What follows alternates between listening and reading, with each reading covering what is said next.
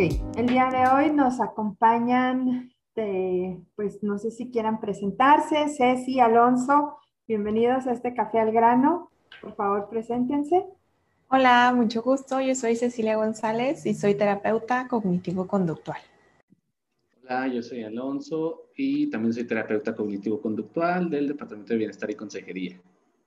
Hola, yo soy Anaíla Salde y soy terapeuta gestal. Hola, soy María Paula y yo nada más soy alumna de prepa. Bienvenida, María Paula.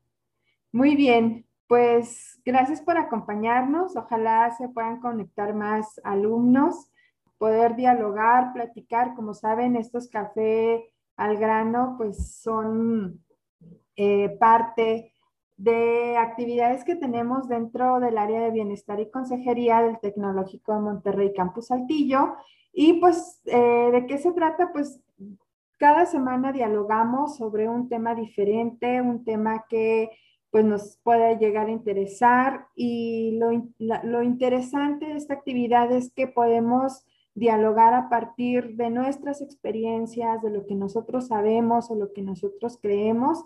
Así que no hay respuestas buenas o malas, no hay quien tenga la razón, sino simplemente pues es un espacio de diálogo para poder conocer, pues bueno, diferentes posturas en diferentes temas. Entonces, pues qué padre cuando nos acompañan alumnos, porque también nos gusta conocer eh, cuál es su postura ante esto. Entonces, el tema del día de hoy es la diversidad de nuestra comunidad. Pero bueno, para empezar, ¿qué entendemos por diversidad? Yo pienso que la diversidad es diferencia, o sea, como que el aceptar que pues no hay dos personas iguales y que por lo mismo pues eh, la comunidad, como bien se está diciendo aquí en el tema, pues eh, comprende eh, la existencia de individuos únicos, originales, diferentes, en diversos aspectos. Gracias, Ceci. ¿Qué opinan los demás? ¿Qué entienden por diversidad? Pues algo que te distingue, ¿no? De, del resto, o sea, a lo mejor sí podemos estar igual en un grupo similar o en un grupo social donde compartimos cosas, pero igual siempre hay algo que nos va a identificar, ¿verdad? Como dice Ceci, aunque seamos parte de, de una misma familia, pues vamos a ser todos diferentes, ¿verdad? Va a ser como quiera un poco imposible que, que a pesar de la convivencia y pues que estamos ahí rodeados de las personas, seamos pues siempre iguales, ¿no? En gustos, en necesidades, etc. Yo creo que la diversidad es como que entender que hay mucho de algo, que ya pues llevándolo a, la cuestión de, de, los individuos es, hay muchos colores de piel, hay muchas creencias religiosas, hay muchas maneras de pensar simplemente. Entonces, yo creo que eso es la manera en la que yo entendería diversidad. Okay. María Paula, ¿tú qué opinas? Yo lo voy a complementar con el término inclusión porque creo que diversidad e inclusión van de la mano. Y es que la diversidad es la mezcla y la inclusión eh, está haciendo que la mezcla funcione. Es algo que aprendí hace poquito. Sí, excelente. Muchísimas gracias. Así es, cuando nosotros hablamos de diversidad, son todas esas características que como personas poseemos que nos distingue como individuos y que nos identifica también como parte de, un grupo. Entonces, ah, digamos que como personas estamos compuestos pues de diferentes características desde lo físico, ¿no? Pudiéramos hablar, como comentaban ahorita, nuestro color de ojos, nuestro color de piel, nuestro color de cabello, la forma de nuestro cuerpo, si somos altos, si somos bajitos, eh, si somos delgados, si somos un poquito más rellenitos. Entonces, todo eso, pues es, no, es nada más como un, todo, es, e, ese todo está compuesto, cuando hablamos de nuestra dimensión física, pues de, de muchas características, ¿no? Si hablamos de nuestra personalidad, pues también en cuanto a la personalidad, todos tenemos características eh, diferentes, ¿no? Hay quien es más callado, hay quien es más extrovertido,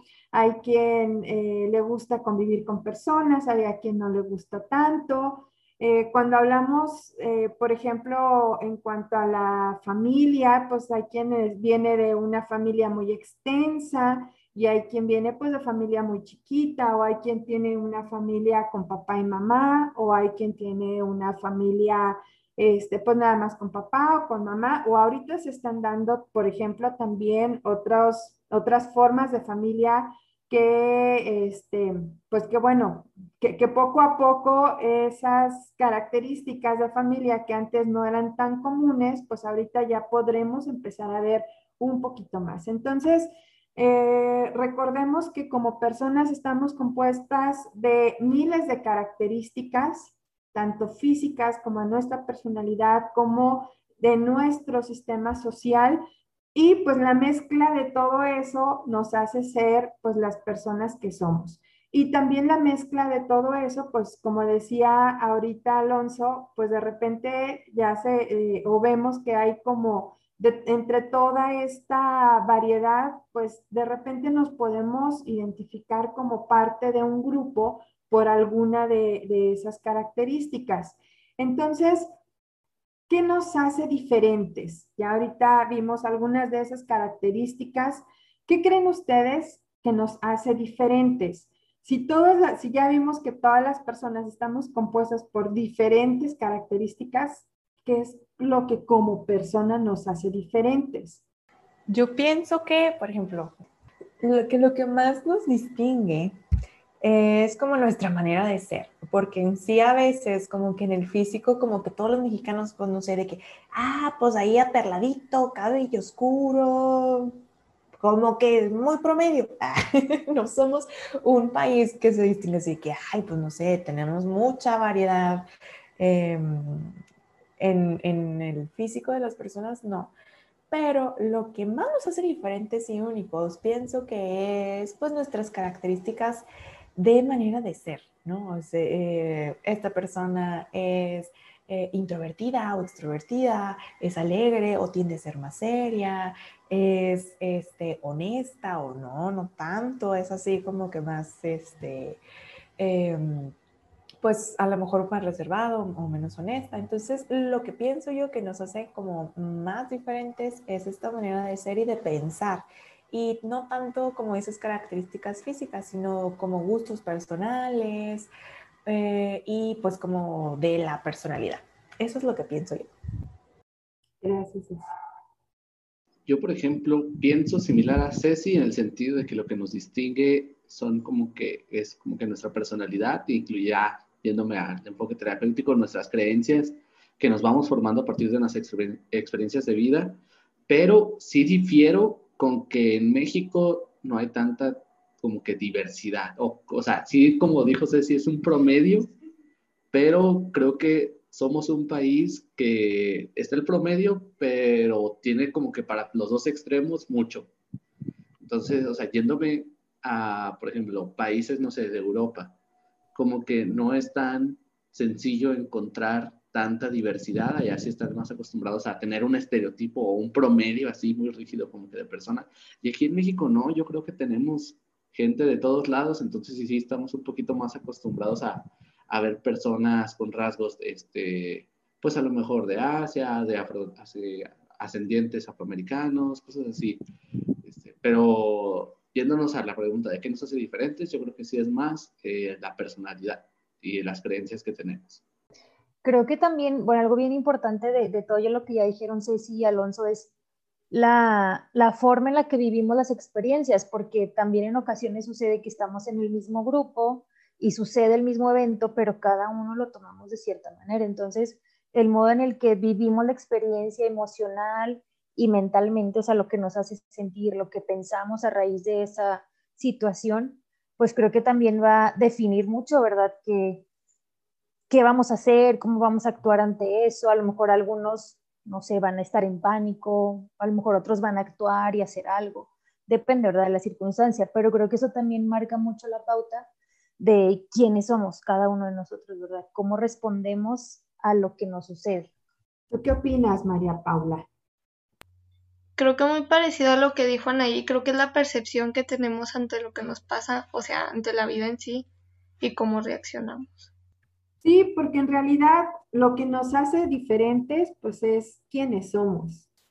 Incluso por ejemplo, eh, desde nuestro ADN, desde que estamos empezando a formarnos como seres humanos, pues ya hay una diferencia, ¿no? Entonces, hay una constante en el ser humano que es la diferencia.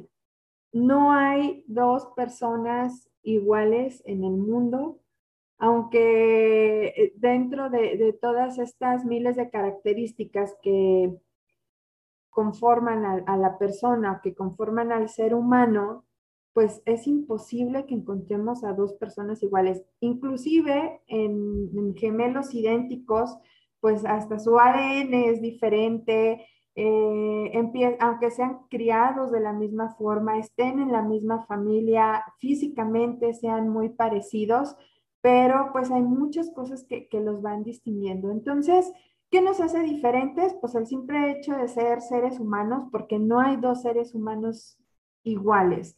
Entonces, fíjense, eh, esto empieza a ser como un poquito una paradoja, porque a pesar de que todas las personas somos eh, diferentes y que no hay dos personas iguales, ¿cómo tenemos esa tendencia a querer como pertenecer a un grupo y buscar una característica que nos identifique dentro de ese grupo, ¿no? Y cómo empezamos a rechazar lo que nosotros consideramos o lo que nosotros valoramos que es diferente a nosotros.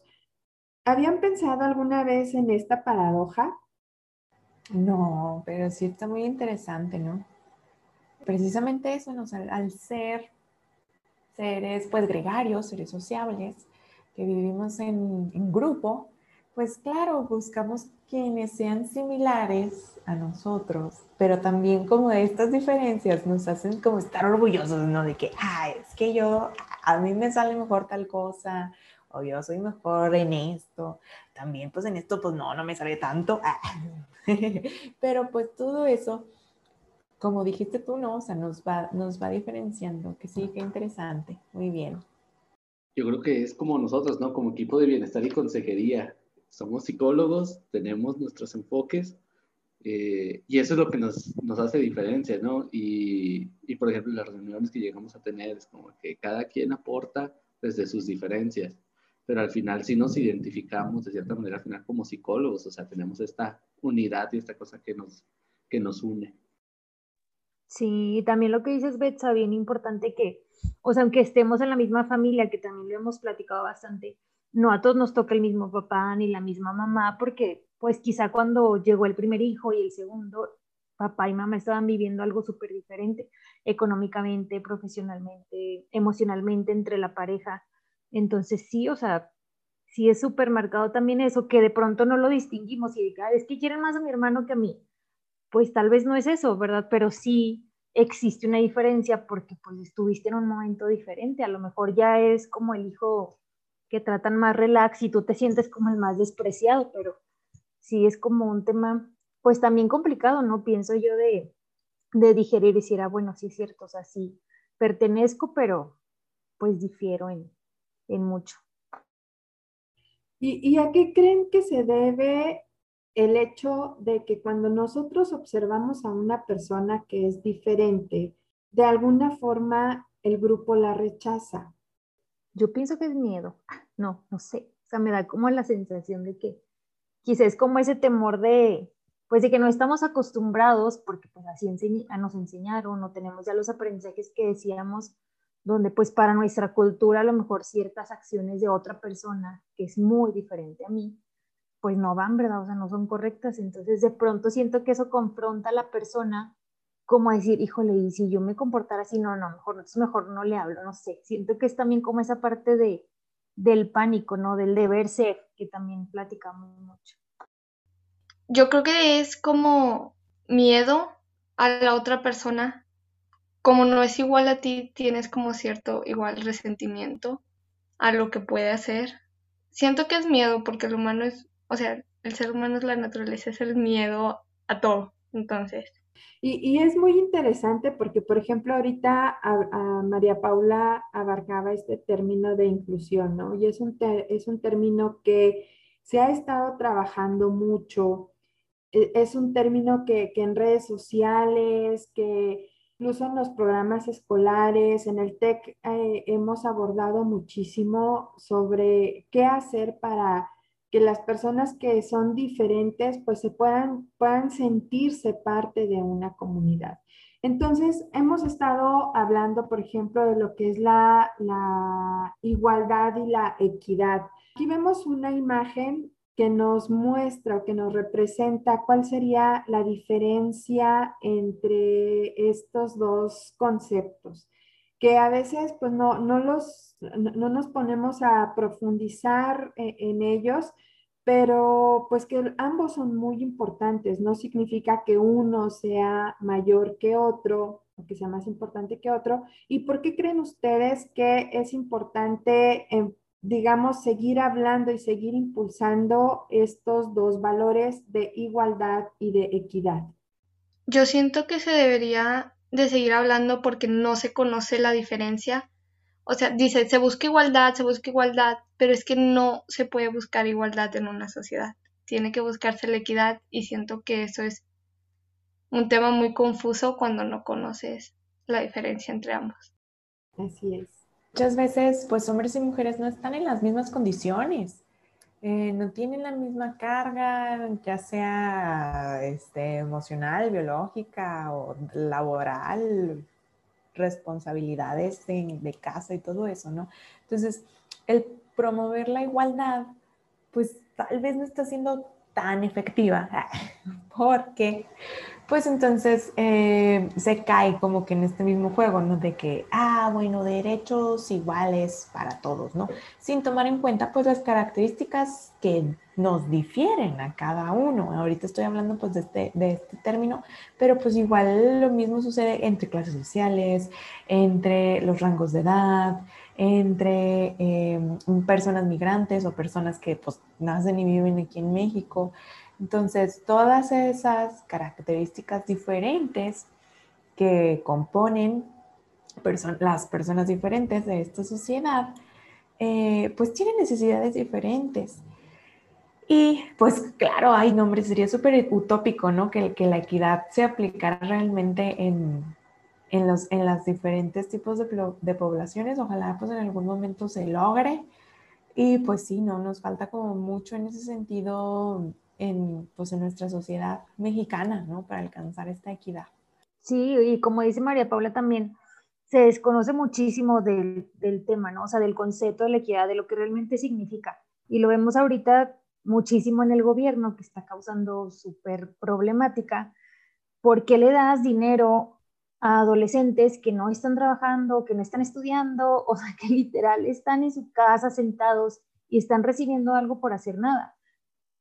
O les quitas también a los muchachos que por el contrario, ¿verdad? O sea, se están esforzando un chorro, están batallando en casa, en problemas familiares, para poder pagarse yo la escuela, etcétera. Y a esta población la dejas también abandonada por motivos políticos, no decir, ah, no, estoy cubriendo las necesidades de todos, no es cierto. O sea, realmente no existe la equidad, o sea, estás limitando mucho el desarrollo de pues muchos tipos y edades poblacionales. Entonces sí siento como María Paula que es algo que se desconoce muchísimo, o sea, se confunden los términos o crees que es lo mismo o definitivamente no sabes, ¿verdad? O sea, ni, tienes idea de qué significa uno o el otro. Y sí, digamos que partiendo, como decías, así como desde un sentido utópico, ¿no? De este, pues a lo mejor la igualdad pudiera ser el primer paso, ¿no? El, el buscar que como seres humanos sin importar nuestras diferencias, pues nuestras diferencias, todos tuviéramos oportunidad o, tuviéramos las mismas oportunidades eh, de forma social. Pero pues esto también nos quedaría muy cortos porque sería no reconocer las necesidades individuales o las diferencias que puede tener cada persona, ¿no? Por ejemplo, una persona con una capacidad diferente, pues obviamente se le pueden dar las mismas oportunidades de, estudio, de escuela, que, que, a todos los demás, pero pues eso no va a ser suficiente para, para esa persona porque pues sus necesidades son diferentes y entonces pues estaríamos cayendo en esta trampa de pues otra vez eh, la, la, injusticia. porque Pues yo puedo decir como gobierno o como mamá o como maestra o como directora de una institución, decir, pues es que aquí todos son iguales y aquí todos los tratamos igual y aquí a todos les damos las mismas oportunidades. Pero pues las necesidades de cierto sector de la población puede ser diferente.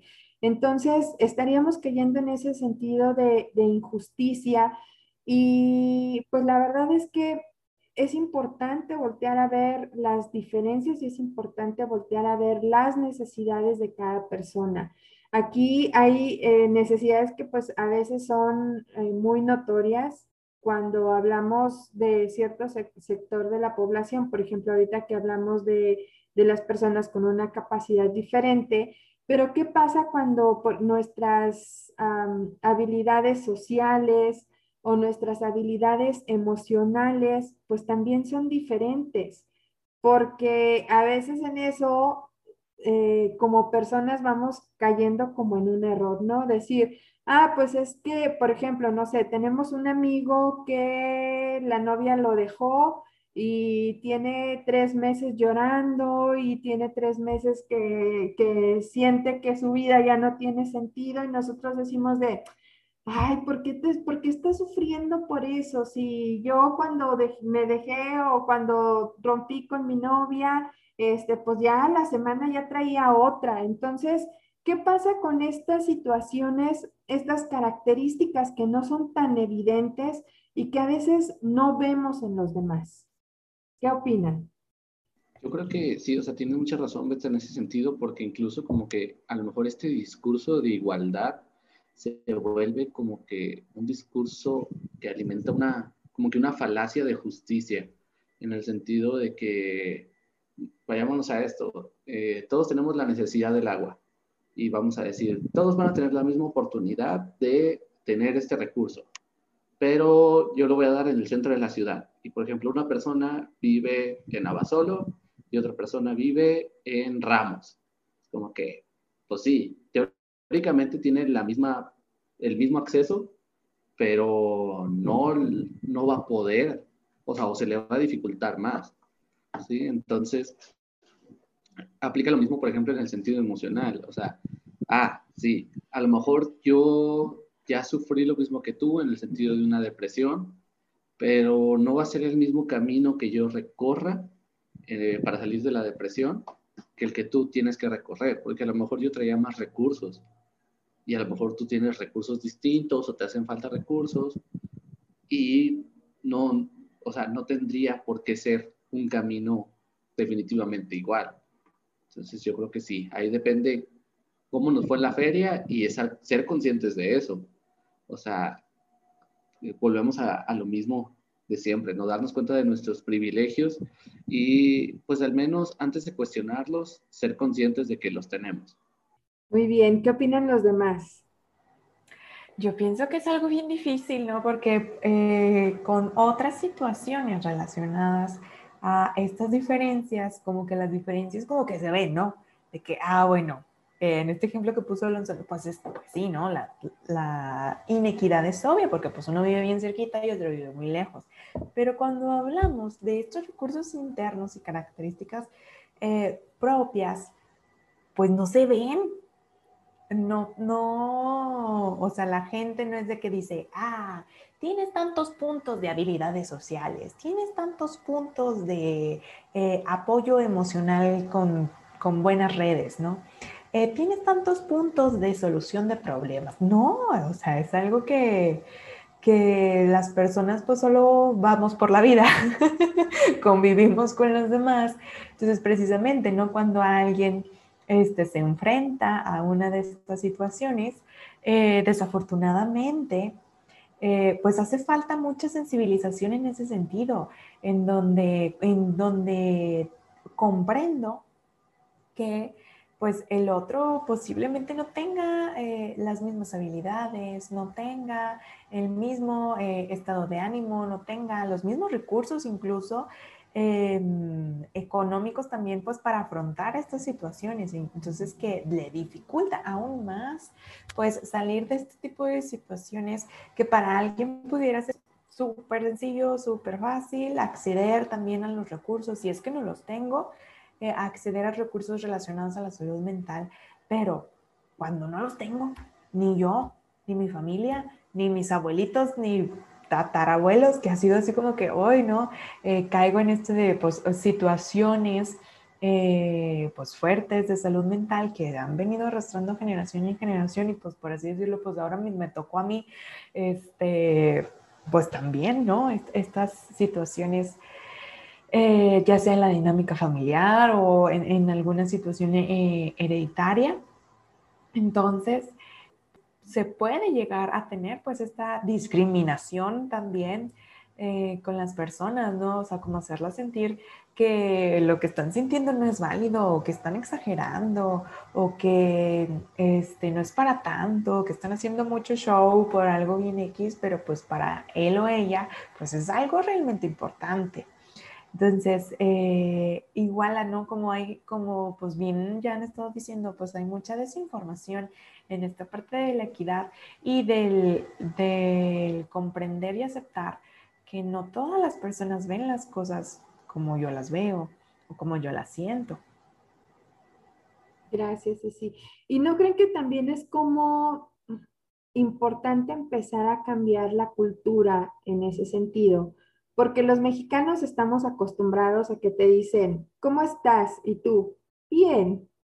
Este, ¿cómo va tu día? Todo bien. ¿Cómo estás? Y por dentro destrozado. Ajá, sí. Entonces, no, no, no estamos acostumbrados a hablar de eso que necesitamos. Ah, yo platicaba con un alumno la semana pasada y hablábamos de esta situación de, por ejemplo, qué pasa con las personas que no se identifican con el género ni masculino ni femenino. Entonces, ¿cómo culturalmente estamos acostumbrados nosotros a decir él, ella? O a veces, por ejemplo, puedes ver a una persona que pues no, no, sabe si está identificada con el género masculino o femenino y como no está dentro de de lo que tú sabes, de lo que tú conoces, entonces pues automáticamente tú le dices, ah, él o ella, o, no sabes cómo decir, ¿no? Entonces, no estamos acostumbrados a decir qué es lo que nos gusta, qué es lo que queremos, qué es lo que necesitamos. Un poquito lo que hablaba yo, yo con, con este alumno era, ¿y por qué no dices, no? ¿Por qué no dices, no me gusta que se refieran a mí de esta forma? No me gusta que me identifiques de esta forma y así ir cambiando como esta cultura, ¿no? Pensando que eh, si yo lo digo está mal, que las personas tienen que adivinar o que tienen que saber cómo tienen que, tratarme, cómo tienen que hablarme o tienen que eh, de alguna forma detectar las necesidades. Entonces, ¿cómo como mexicanos se nos dificulta hablar de nuestras diferencias y de nuestras necesidades. ¿Ustedes qué opinan? Hablar como de las nuestras como preguntar, porque está hasta mal visto eso, ¿no? De preguntar qué necesitas y es como que no, pero es que qué van a pensar de mí.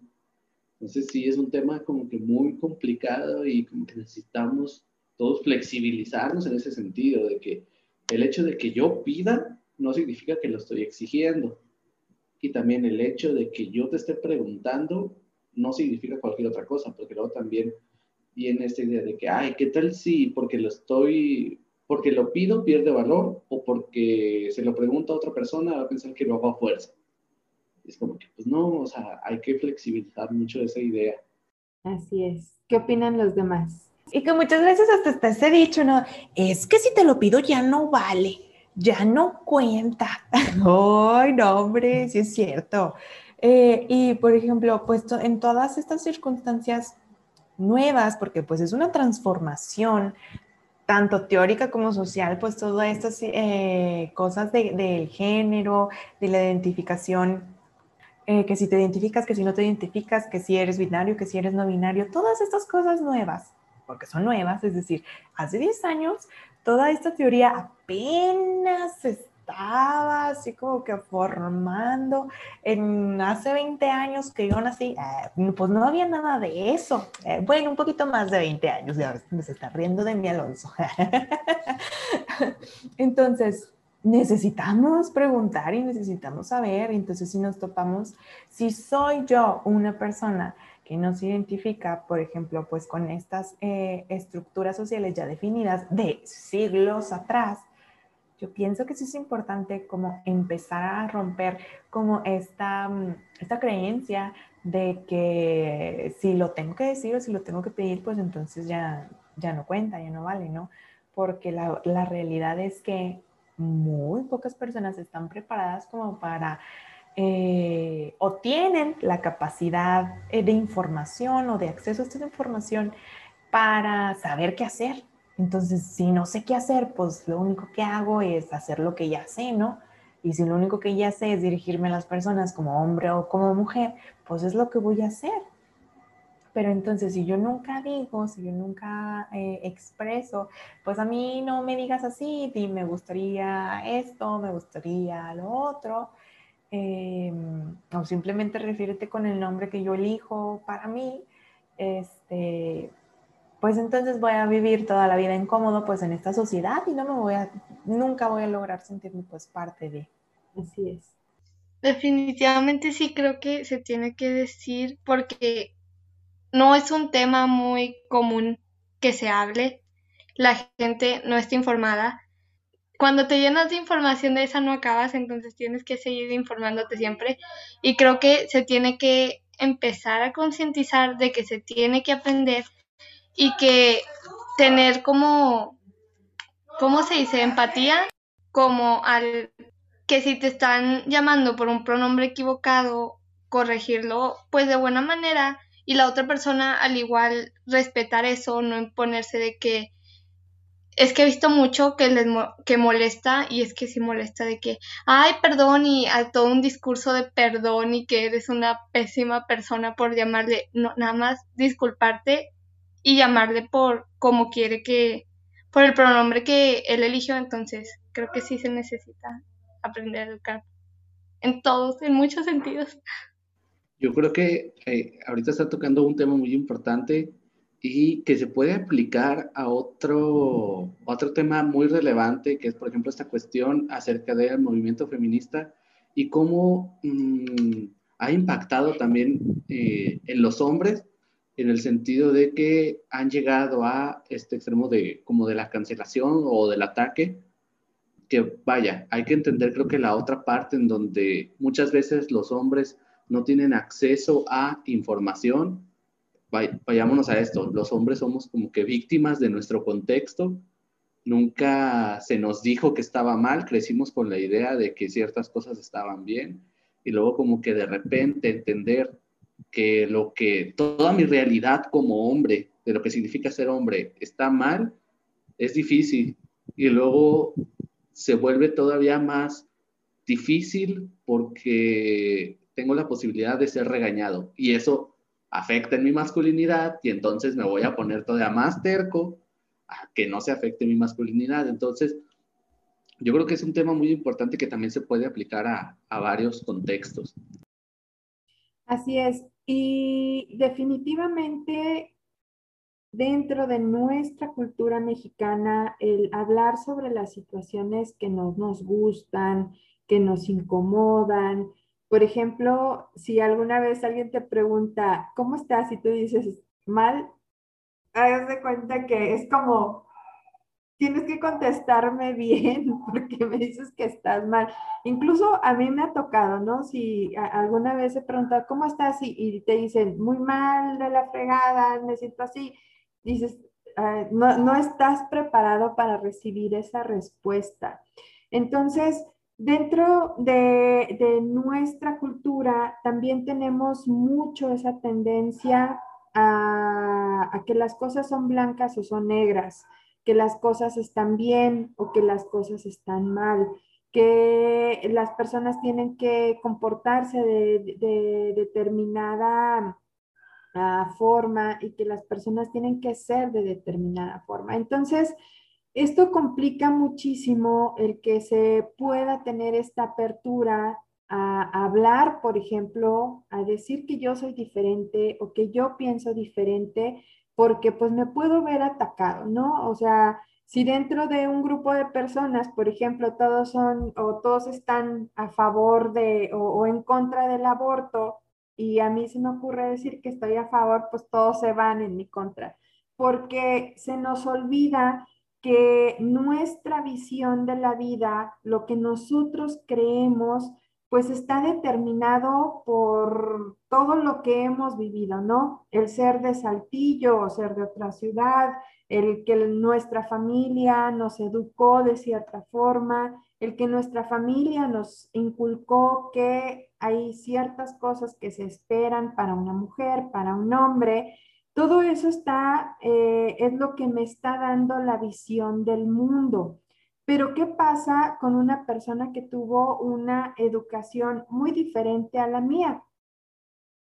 Entonces, de repente perdemos ese sentido de, pues, la visión que yo tengo del mundo, como yo lo veo y lo que yo creo que es bueno o malo, es porque me han educado de esa forma y porque ha sido parte de lo que yo he vivido. Pero, ¿qué pasa si una persona vivió algo diferente? ¿Qué pasa si esa persona creció en una ciudad diferente? ¿Qué pasa si esa persona le, le tocó experimentar situaciones de vida diferentes a la mía? Seguramente su visión del mundo, los lentes que, con los que ve la vida, pues van a cambiar y van a ser eh, completamente diferentes. Y es en este punto en donde empiezan las guerras o empiezan los ataques, por ejemplo, de los jóvenes contra las personas adultas o los adultos contra los jóvenes, que eso vemos mucho en las redes sociales, ¿no? Por ejemplo, de que no, que los millennials, que los Z, que los... Pues claro que son diferentes porque les ha tocado una realidad de vida diferente, les ha tocado una situación de vida diferente. Eh, los ataques, por ejemplo, entre personas que son heterosexuales contra los homosexuales, homosexuales también contra heterosexuales. ¿Por qué? Pues porque su, incluso hasta las experiencias de vida, cómo te relacionas con las personas, eso también te va influyendo en, en cómo tú ves el mundo y cómo ves la vida. Entonces, de repente se nos olvida esto y vamos por el mundo juzgando y valorando. O sea, Facebook, TikTok, Instagram, todas las redes sociales son un ejemplo de personas que comparten su visión de la vida, pero comparten su visión de la vida de una forma determinante, ¿no? Esto es bueno, esto es malo. ¿Qué opinan ustedes? Bueno, yo he comparado el Internet con, Voy a utilizar un ejemplo medio religioso, pero como la Santa Inquisición. Esto está bien, esto está mal, te, persigo si dices esto mal. Entonces estamos como que regresando a una época de completa eh, intolerancia y perseguir a las personas y no hay una oportunidad de aprendizaje o de crecimiento, y menos a las personas jóvenes que ya están viendo esto, lo veo en mis alumnos, en adolescentes, de, oye, es muy diferente cuando un adulto actúa equivocadamente, pero si lo hace un niño, un adolescente, y lo estás poniendo en redes sociales para humillarlo, como que, que como, a mí en lo personal, a mí no me gusta. Y que también pienso, o sea, todo esto de buscar la aprobación, o sea, que también es una enfermedad grandísima, de que estoy buscando subir cosas y como tú lo dices hace ratito, Betsa, o sea, a lo mejor yo estoy en contra de algo, pero por el grupo en el que pertenezco, pues estoy actuando como si estuviera a favor y subo más cosas y que en realidad es contenido vacío, o sea, basura literalmente, pero porque vas buscando esa aprobación o decir, bueno, quizá no me aceptan en casa, quizá mi grupo de amigos no me acepta, pero bueno, tengo un mil de personas, de seguidores que no conozco, no me conocen, o sea, no saben de lo que siento realmente, pero actúo buscando esa aprobación, ¿verdad? O sea, a veces hay gente y niños y adolescentes que si no tienen un like o más de 10 likes, o sea, ya, el mundo se les termina. Y así que, o sea, sí está preocupante, pero pues sí, también como dices, pues es lo que tienen, ¿no? O sea, son los recursos que ahora se les han dado a los adolescentes y no quiero dejar pasar este comentario de también ya la familia, o sea, cuando un miembro de la familia adolescente se da cuenta o viene con nosotros a terapia y comienza a modificar sus conductas para un bienestar, la familia también rechaza de sobremanera, o sea, de que no. ¿Por qué? Pues porque ya estás cambiando, o sea, ya vas como quien dice en contra de su cultura, ¿no? De todo lo que te enseñamos. Entonces, eso también genera un mega caos.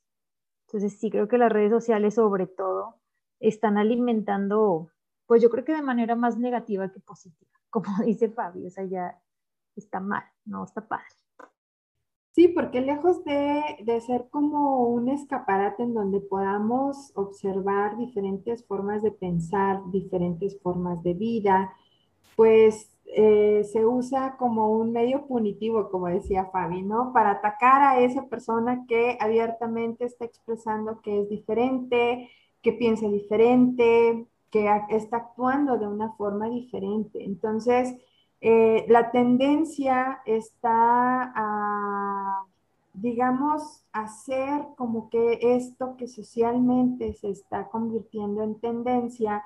Y entonces aquí entra algo también muy peligroso porque, por ejemplo, a veces hasta es tendencia empezar a ser diferente, ¿no? Es tendencia, este, a lo mejor esta parte de, de la inclusión o esta parte de ah, pues todos vamos a tener, eh, eh, nos orgullece tener a nuestro amigo gay porque pues bueno, eso me hace ser una persona este, inclusiva y, lo demuestro y lo digo y subo mis, mis banderas de colores apoyando a la persona, pero ¿hasta qué punto esto que yo demuestro en redes realmente lo interiorizo o realmente pienso en ello o lo veo como un valor que estoy desarrollando. Ay, es que yo pienso que está como muy difícil porque realmente, o sea, lo que yo hago y lo que yo digo es porque lo pienso. y entre más lo piense, pues más se va adaptando pues a mi sistema de creencias, es decir, eh, em, volviendo un poquito a, esto de, las redes sociales, incluso como estos algoritmos, no sé si ustedes vieron el documental de Netflix de, de las redes sociales, entonces ahí explicaban que nunca en la vida había existido como que opiniones tan polarizadas y tan fuertes en la población, ¿no? Pues Netflix pues estudia su, su población que es, que es pues Estados Unidos, ¿no? Principalmente. Entonces, eh, y cómo las redes sociales propician eso. O sea, como por ejemplo, si yo estoy a favor de la comunidad LGBT, este, me van a salir en, mi, en mis redes sociales puras eh, personas que apoyen eso. Y si yo este, soy súper conservadora y estoy en contra del aborto, solamente me van a salir publicaciones relacionadas a eso. Y eso me hace creer a mí y me hace reforzar más y más, pues esa creencia que se va a hacer cada vez más y más polarizada. Entonces, cuando real me topo a alguien que está este, a favor del aborto o que tiene una opinión diferente a la mía, pues mi mente dice, ¿cómo es que esta persona es diferente a mí? Si todo mundo que me sale en las redes sociales es igual que yo, entonces yo estoy bien. Y entonces eso hace que se polaricen más y más las opiniones y que las personas pensemos que cualquiera que opine diferente a mí está mal o está equivocado. ¡Ay, qué peligroso! Eso es demasiado, demasiado real. En mi casa lo vivo. Mi TikTok, al TikTok de mi hermano, ¡híjole la diferencia que hay! Y me... Y, o sea, es demasiada, es fuente de conflictos aquí, o sea, porque lo que yo veo es completamente diferente a lo que ven mis hermanos en las redes sociales. Entonces... Cuenta, cuenta, da ejemplos. Eh, ¿Qué te sale a ti? A mí me sale puro feminismo, puro pro aborto, puro todo así.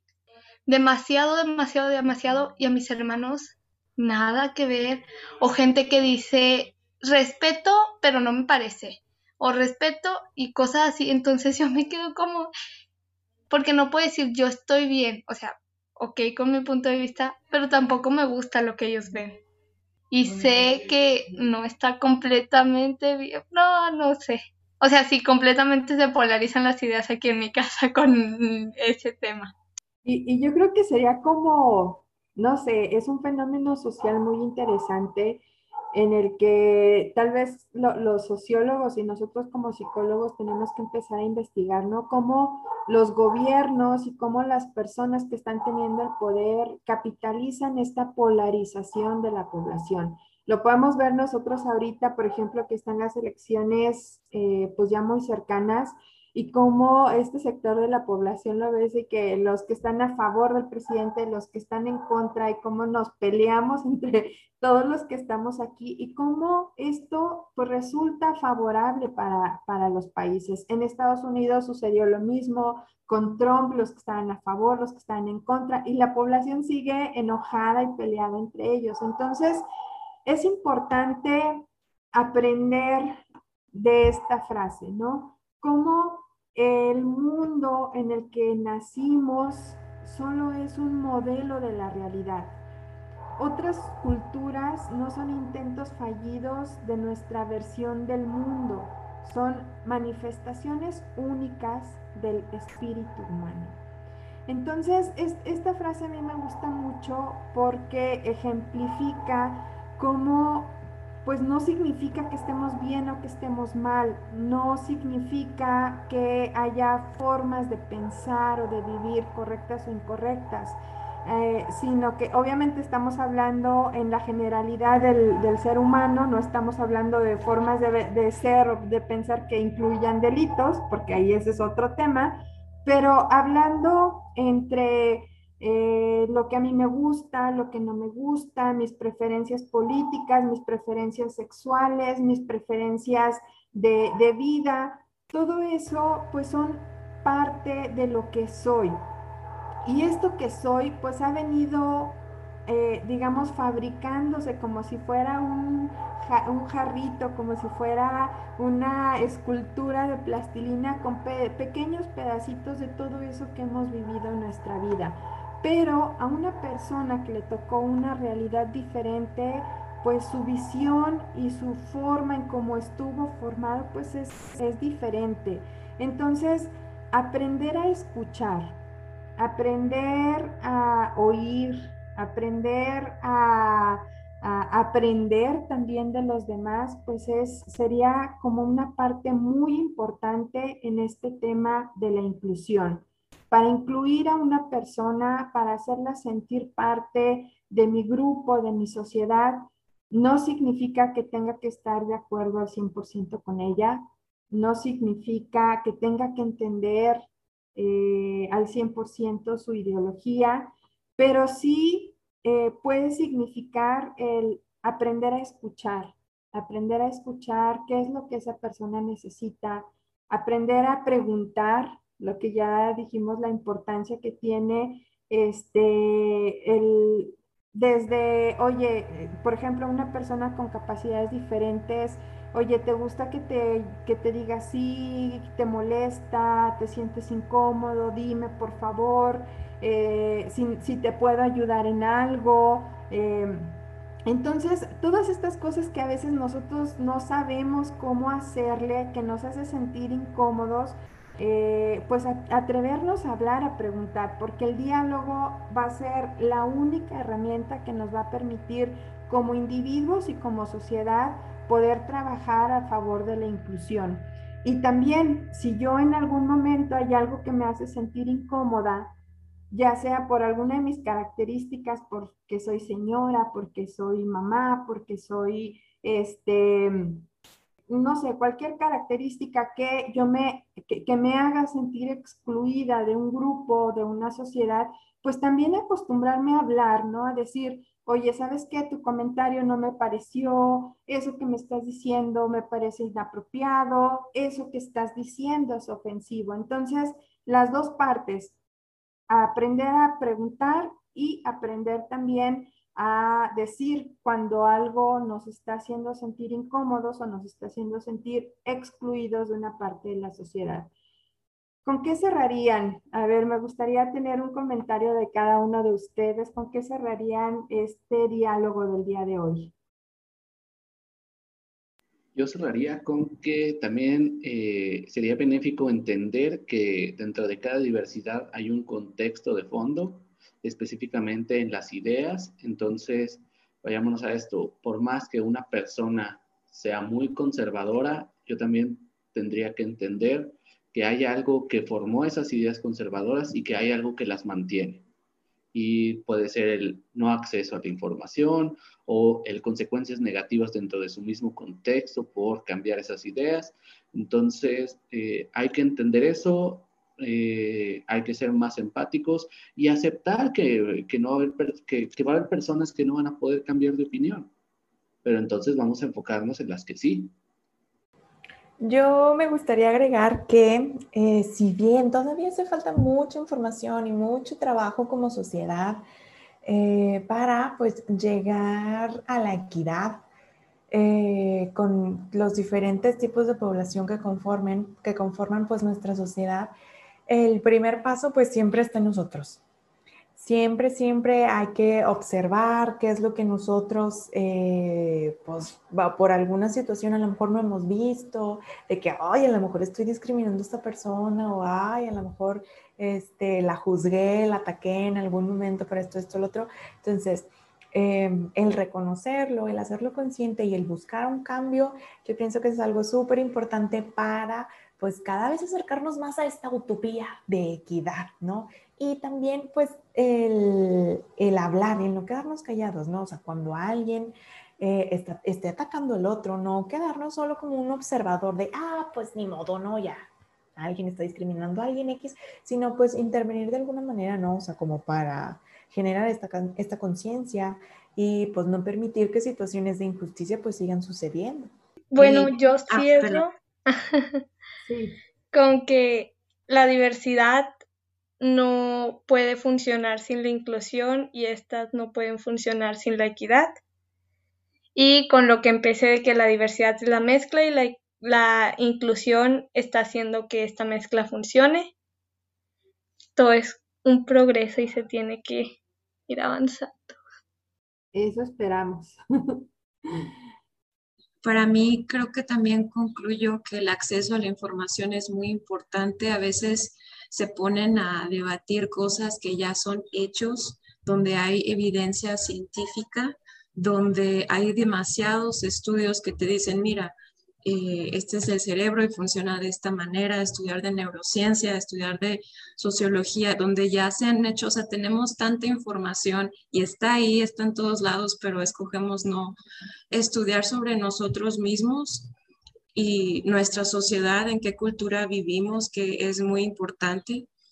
Y pues reconocer que aunque alguien no tenga ese acceso a la información, que desde su punto de vista, su percepción es su realidad, así como la mía. Y como hay datos y hay hechos que no están abiertos a debate, y no me voy a poner a discutir con estas personas porque pues es un hecho, eh, pues sí puedo aceptar que su percepción es su realidad y no es mi trabajo ni, mi responsabilidad educar a estas personas si están en desacuerdo conmigo. La información ahí está. Este, yo creo que vivir sin miedo. Siento que el miedo nos limita en muchos sentidos. Eh, emocionalmente nos genera también otras cosas, ¿no? Enojo, rencor, molestia, porque pues sabemos que el miedo es como el principal, ¿no? O sea, no actúo por temor, no actúo porque no me lo permiten, porque no me siento capaz. Creo que eso también es algo bien importante para poder respetar, aceptar, reconocer mis diferencias y las diferencias de las otras personas. Como bien lo dice esta última frase que nos pones aquí, Betsa, pues es otra realidad, ¿no? Y también a veces o de pronto abrir los ojos a una realidad nueva, pues nos genera miedo y ese miedo nos hace actuar de maneras equivocadas o de no decir lo que somos o lo que sentimos. Entonces, creo que yo cerraría con eso, o sea, afrontarlo, afrontar el miedo, aceptarlo y cruzar la otra línea pues para poder vivir lo más estable posible, ¿no? Que también dentro de las diferencias que otros tienen, pues yo tampoco entré en ese conflicto, ¿no? De, de ir con la justicia, pero sin tampoco provocar pues más caos, ¿verdad? El que ya estamos viviendo ahorita en nuestra sociedad. Y creo que eso sería todo. Pues muchísimas gracias. La verdad es que este tema da para muchísimo y yo creo que entre más empecemos a desmenuzar, más, más, podemos seguir hablando de esto, pero pues yo cerraría invitando a todas las personas que nos acompañaron el día de hoy a, a hablar. Hablar es muy importante desde no solamente mi opinión, sino qué es lo que me gusta, qué es lo que no me gusta y escuchar. Escuchar qué es lo que los demás necesitan y preguntar, ¿sí? Si eso que estamos haciendo, como estamos actuando, pues es la forma correcta o lo que los demás esperan. Y eh, pues bueno, muchísimas gracias por acompañarnos, por eh, compartir sus puntos de vista. Son muy valiosos para nosotros y nos vemos la siguiente semana en el siguiente Café al Grano. Buenas tardes. Adiós, bye bye. Gracias, bye bye. Bye, gracias, Betsa.